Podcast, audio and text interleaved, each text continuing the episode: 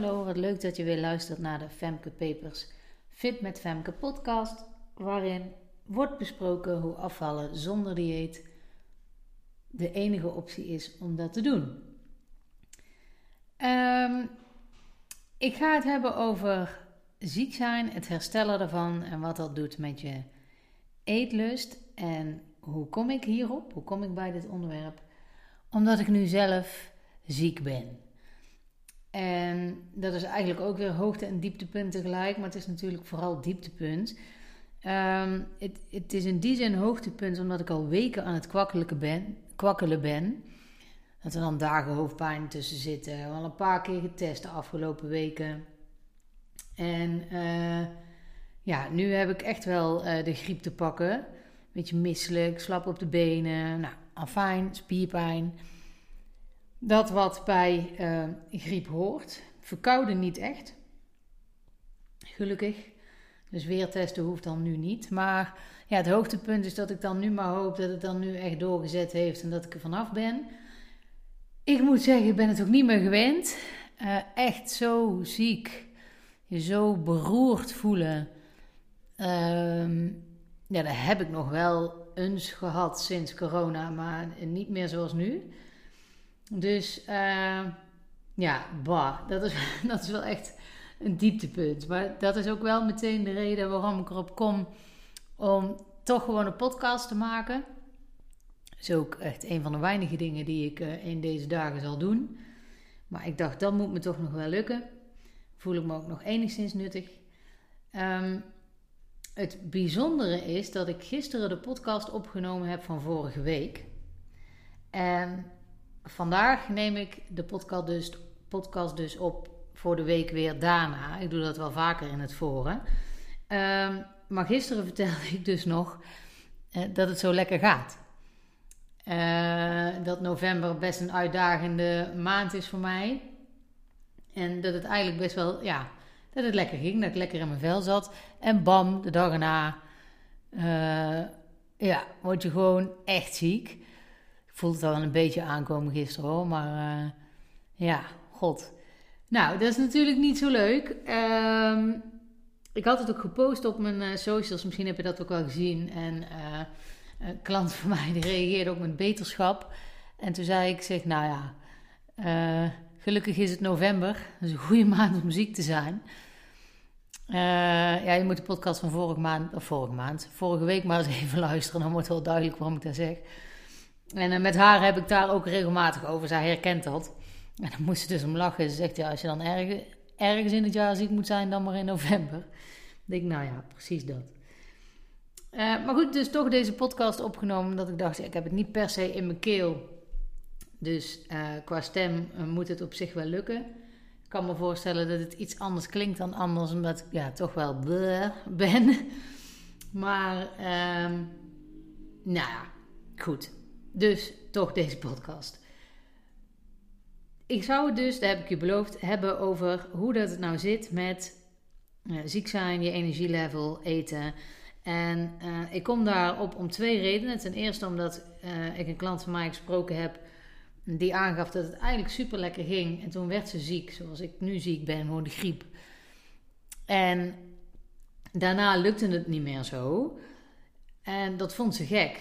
Ze zegt, ja, god, als je ziek bent, dan, ja, dan heb je natuurlijk nergens echt per se trek in. Dan eet je omdat je weet dat het uh, goed voor je is en omdat je natuurlijk zo snel mogelijk weer beter wilt zijn. Maar uh, daarna, zegt ze, had ik ineens weer zin in suikers en in lekkere dingen, terwijl ik dat daarvoor helemaal niet had. Hoe kan dat nou? Nou, dat is niet zo heel ingewikkeld. Dat komt omdat op het moment dat jij ziek bent, dan heb je dus inderdaad niet zo heel veel trek in dingen. Dan zorg je dat je echt wel eet om jezelf ja, op de been te houden, maar dat is het dan vaak. Dus je eet echt niks extra's. Maar je lijf is wel heel veel energie aan het verbruiken om jou uh, beter te maken. En op het moment dat jij weer beter bent, je weer lekkerder gaat voelen, dan zeggen jouw hersenen of jouw lijf in ieder geval: hé, hey, maar nu ben je weer lekker, dus vul alles maar weer even aan. En het snelst kan dat met suikerrijke dingen. Of dit allemaal wetenschappelijk onderbouwd is, dat weet ik niet. Hè? Ik ben geen arts, maar uh, het lijkt mij vrij logisch. dat daarna, na zo ziek zijn, uh, je lichaam dus zo snel mogelijk weer op peil wil komen. En dat kan het snelst door snelle koolhydraten te nemen. Je hebt verschillende koolhydraten. Hè? Je hebt koolhydraten die langzaam vrijkomen en koolhydraten die snel vrijkomen. Nou, de koolhydraten die snel vrijkomen, dat zijn dus echt ja, de suikers, de witte suikers. Zo moet je het eigenlijk even zien, even heel zwart-wit gezegd. Uh, en dan zijn ook de suikers die niet verpakt zijn in allemaal vezels en vitamine en mineralen over het algemeen. Um, je hebt ook, ja, vezels zijn ook koolhydraten. Die zitten bijvoorbeeld in havermout, et cetera. En dat komt langzamer vrij. Dat doet je lichaam langer over om daar een reactie op te geven, uh, om dat te verwerken. Dus je krijgt dan geen piek in je bloedsuikerspiegel. Maar als jouw lijf snel energie wil, dan wil het dus juist wel die piek. Nou, dat krijg je dus door suikers. En dat kan dus de witte, gewoon het suikerklontje zijn, hè, de witte suiker. Maar ook bijvoorbeeld de suiker in nou, bijvoorbeeld mango of ananas. Daar zitten ook wel vitamines in, maar daar zit echt wel veel suiker in. En dan krijg je ook vrij snel wel ehm, ja, die boost van, die je lichaam vraagt als het ziek geweest is. Dus het is niet gek dat jij daarna, na het ziek zijn, weer meer zin hebt in suikers. Dus dat zegt niks over of jij wel of niet goed bezig bent. Dat je weer terugvalt in oude patronen. Dat je je zorgen moet maken of je het wel echt kan. Dat is dus niet wat aan de hand is in mijn optiek. Het is echt een lichamelijke reactie. Maar doordat afvallen vaak lastig wordt door wat je over het afvallen denkt, maakt zo'n proces je onzeker kun je het idee hebben van, oh ja, hoe kan dat nou? Um, en het ging zo goed. En waarom kan ik dit nou niet? Dat soort gedachten komen dan sneller naar boven. Sowieso komt dat sneller naar boven als je ook nog niet zo ver in het afvalproces bent. Dus als je er nog maar net aan begonnen bent, net, ja, laat zeggen, een maandje op weg, dan heb je nog niet die nieuwe mindset helemaal gecreëerd, om het zo maar even te zeggen. Dan heb je nog niet geleerd echt goed te dealen met die gedachten. Dus ik ben dan heel blij als een klant van mij zegt van... Goh, hey, hoe komt dat nou? Dat ze daar dus wel kritische vragen bij stelt... en haar onzekerheid dus ook met mij durft te delen. Want op het moment dat je dat doet... kan ik dit dus ook weer leggen. Kan ik uitleggen van... Goh, hey, maar dit ligt hieraan. Dit heeft niks te maken met dat jij niet goed op weg bent... Uh, dat jij nu meer cravings hebt naar suiker het gaat er natuurlijk wel heel erg om wat jij ermee doet. Als jij eraan toegeeft, ja, dan ben je een soort van terug bij af. En dat is gewoon heel erg zonde.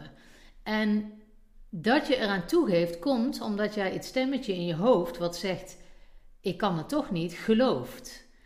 En je hoeft dat stemmetje niet te geloven, want het is dus gewoon een fysieke reactie wat er aan de hand is. Dus het is vrij logisch dat dat gebeurt. Maar omdat jij het koppelt, en dat is dus de verkeerde link die je legt, omdat jij het koppelt aan je eigen onvermogen, word je daar onzeker van. Maar het heeft niks met je onvermogen te maken. Nogmaals, dat is gewoon een fysieke reactie. En die is heel normaal. Het gaat er alleen om wat je daar dus vervolgens mee doet. En als je dat niet weet, kan ik me voorstellen dat die onzekerheid gewoon blijft. Dus daarom wilde ik dit met jullie delen. Dat had ik al eerder bedacht om te doen. En nu dat ik zelf dan ook ziek ben, um, word ik extra getriggerd om het eerder op te gaan nemen en om daar niet mee te wachten. Ik hoop dus van harte dat wanneer jullie dit horen, dat ik dan niet meer ziek ben. Uh, dat zou betekenen dat ik er anderhalve week zoet mee ben. En ik mag toch van harte hopen dat dat niet het geval is. Uh, maar je weet het met de griep natuurlijk nooit. Ik merk wel dat dit uh, een korte podcast wordt, want de energie is gewoon al echt weer op. En ik had natuurlijk kunnen wachten eh, tot ik me weer beter voelde en dan alsnog dit bespreken, maar ik vind het juist wel uh, goed om dat nu te doen, nu ik in het onderwerp zit. En ja, ik wilde dit ook gewoon echt wel graag met jullie delen en misschien ook wel gewoon laten merken van, goh, hey, uh, iedereen heeft zo zijn mindere momenten. Uh, ik dus ook. En uh, mijn lichaam zegt nu echt tegen mij: Femke, stop. En dan probeert het eigenlijk al weken te vertellen. Maar omdat het steeds wat beter gaat, omdat ik mijn lijf een beetje fop. Door op het moment dat ik niet lekker ben, wel even een stapje terug te doen. En eerder naar bed te gaan. En eventueel wat afspraken af te zeggen, zodat het weer lukt. Um, vond mijn lichaam dat nu even niet voldoende. Er is de afgelopen tijd eigenlijk best heel goed gegaan. En daar gaat het vaak ook, maar blijkbaar vindt mijn lijf het nu nodig om me echt even een halt toe te roepen. En ehm, daar ga ik dus ook naar luisteren. Je zou kunnen zeggen, waarom neem je dan die podcast op? Neem dan alsjeblieft je rust. Nou, dat komt, dat, dat heb ik net ook gezegd, omdat je je, ja, je voelt je al ellendig. En nu heb ik gewoon ook het gevoel dat ik enigszins nuttig ben. Het kost in die zin uh, ja, ik wilde zeggen weinig energie, maar dat is niet waar. Want ik merk echt wel dat het energie kost. Maar het is natuurlijk anders dan gewoon een hele dag voor de klas of een hele dag klanten bellen. Of, uh, uh, dit ben ik nu even aan het doen. Dit duurt nog geen kwartiertje, zie ik, terwijl ik aan het opnemen ben. En dan kan ik weer naar mijn Nederlandse romcoms. Die ik normaal eigenlijk echt niet zo leuk vind om te kijken. Daar heb ik maar zelden echt de bui voor. Maar uh, voor nu is dat prima, omdat ik daar verder gewoon niet bij na hoef te denken. En dat is voor nu wel even lekker. Dus uh, ik kijk met mijn schuin oog al naar de bank waar het kleedje op ligt. Daar ga ik weer naartoe. Ik hoop dat het met jullie iets beter gaat. En ik hoop ook dat het de volgende iets beter gaat. Dus uh, daar gaan we voor. Fingers crossed. Tot de volgende.